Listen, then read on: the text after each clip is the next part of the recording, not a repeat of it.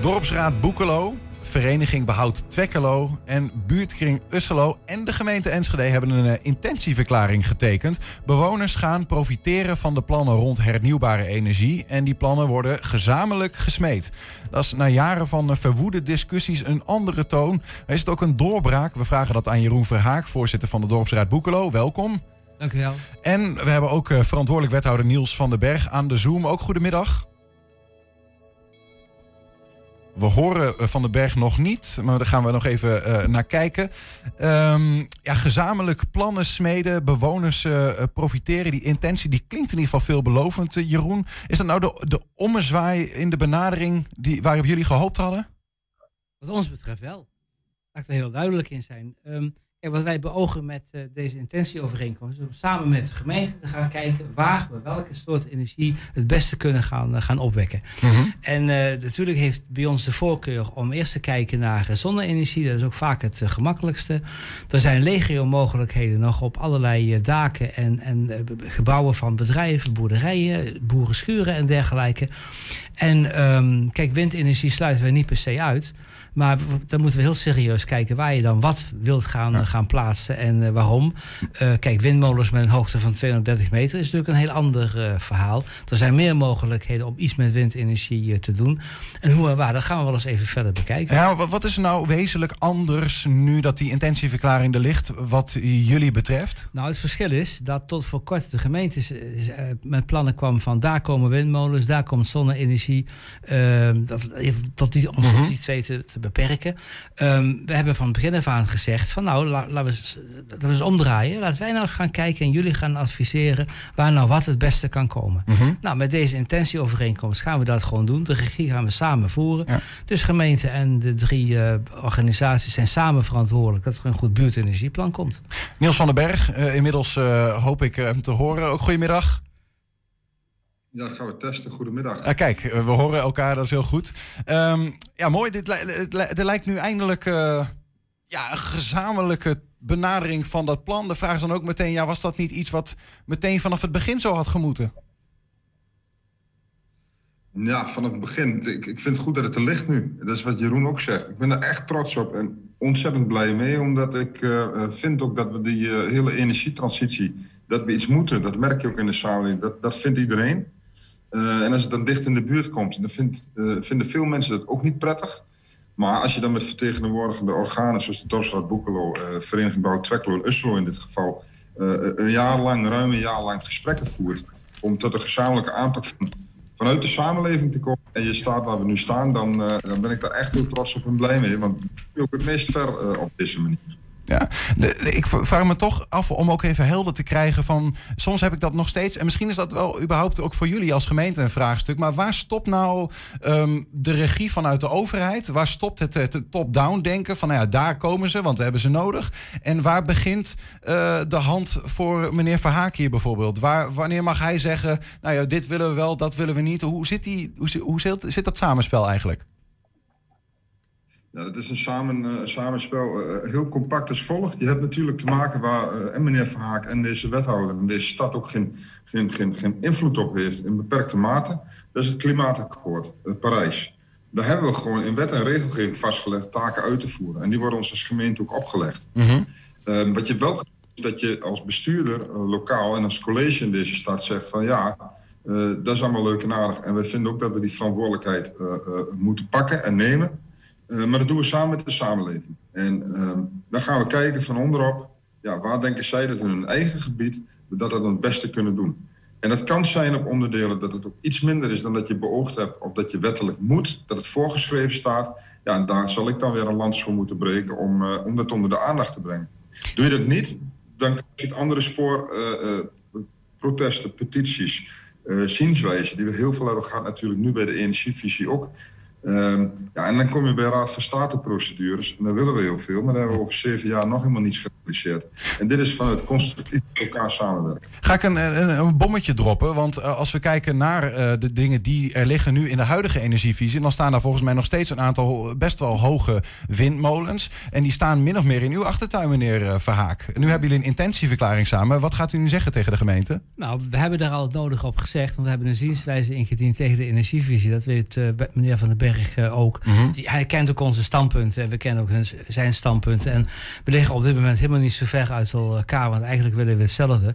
Namelijk gewoon die 150 terrajoule tot 2030 realiseren, zonder al te veel uh, procedures. Het is gewoon wat, wat de wethouder zegt. Je kunt twee dingen doen. Je kunt proberen om samen met het gebied tot een goede oplossing uh, te komen. Nou, dat spoor hebben we nu ingezet. Mm -hmm. Ja, dan kan het heel goed zijn dat daar geen windmolens in passen. Nou, oké. Okay. Even het maar leveren. U noemt zeg maar die 150 terrajoule. Ja. Er moet een bepaalde mate van energie worden opgewekt in ja. Enschede. En een deel daarvan, die 150 terrajoule, die is voor uw gebied, ja, zeg maar. Dat hebben we met de gemeente nu afgesproken.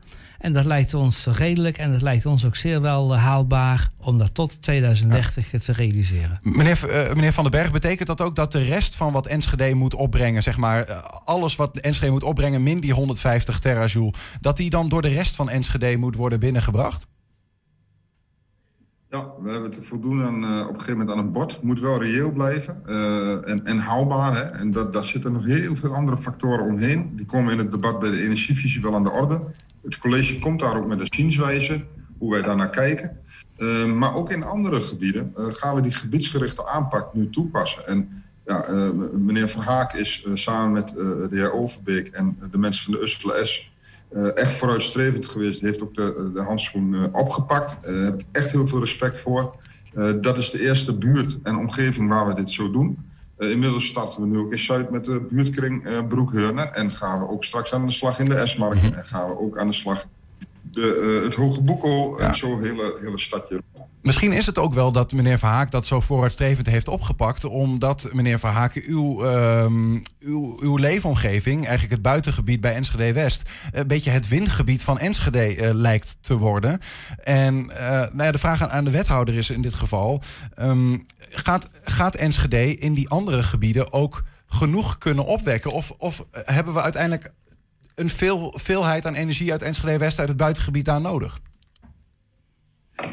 Het zou, in dezelfde verhoudingen zijn in de andere gebieden. En ik wil dat wind-zon even buiten beschouwing laten. Want waar die, en waarom zeg ik dat? Het is als volgt.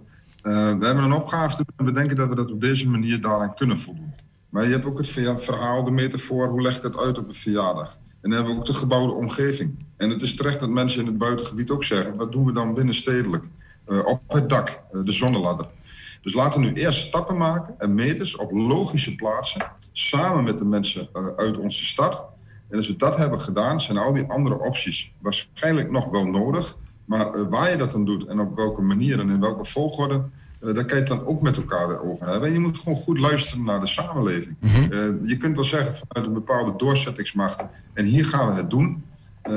nee, zo zit ik daar niet in als wethouder op dit dossier goed luisteren. Dat betekent ook goed kijken naar wat schrijft men op in zienswijze. Uh, wat vindt men daarvan, wat voelt men daarbij. Maar je wil ook resultaat halen. En uh, wij leveren stad Enschede op deze manier... op de meest uh, snel mogelijke manier ja. een bijdrage aan de energietransitie. Daar ben ik ja. echt van overtuigd. Maar stel nou even worst case scenario. Want je moet toch op een gegeven moment van dingen uitgaan... dat er in de Ens rest van Enschede niet genoeg energie kan worden opgewekt... en dat die windmolens in de achtertuin van meneer Verhaak alsnog nodig zijn. Waar zijn we dan nog met onze intentieverklaring?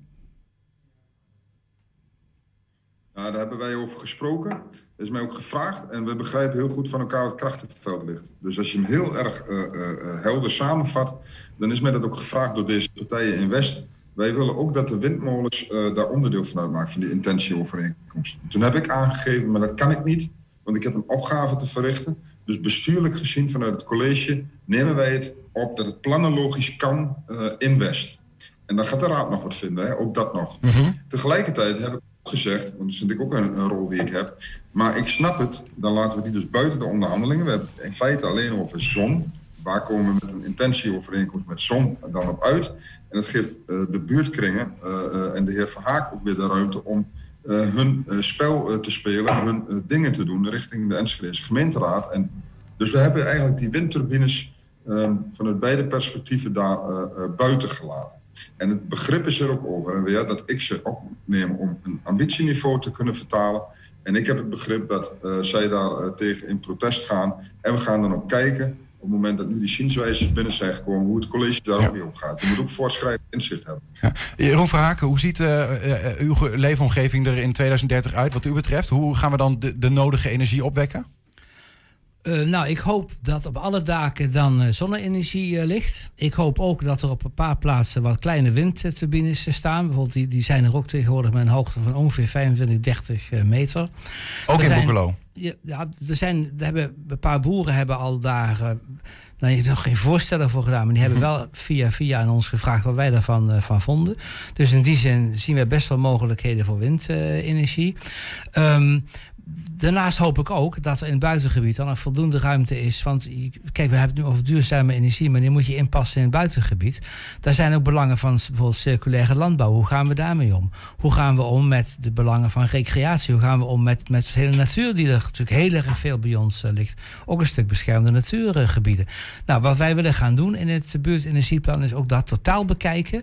Uh, door, via dus die gebiedsgerichte aanpak. Dus niet alleen kijken van wat kan waar, maar breder te kijken en rekening houden met de belangen van landbouw, eh, natuur en eh, recreatie. Ja.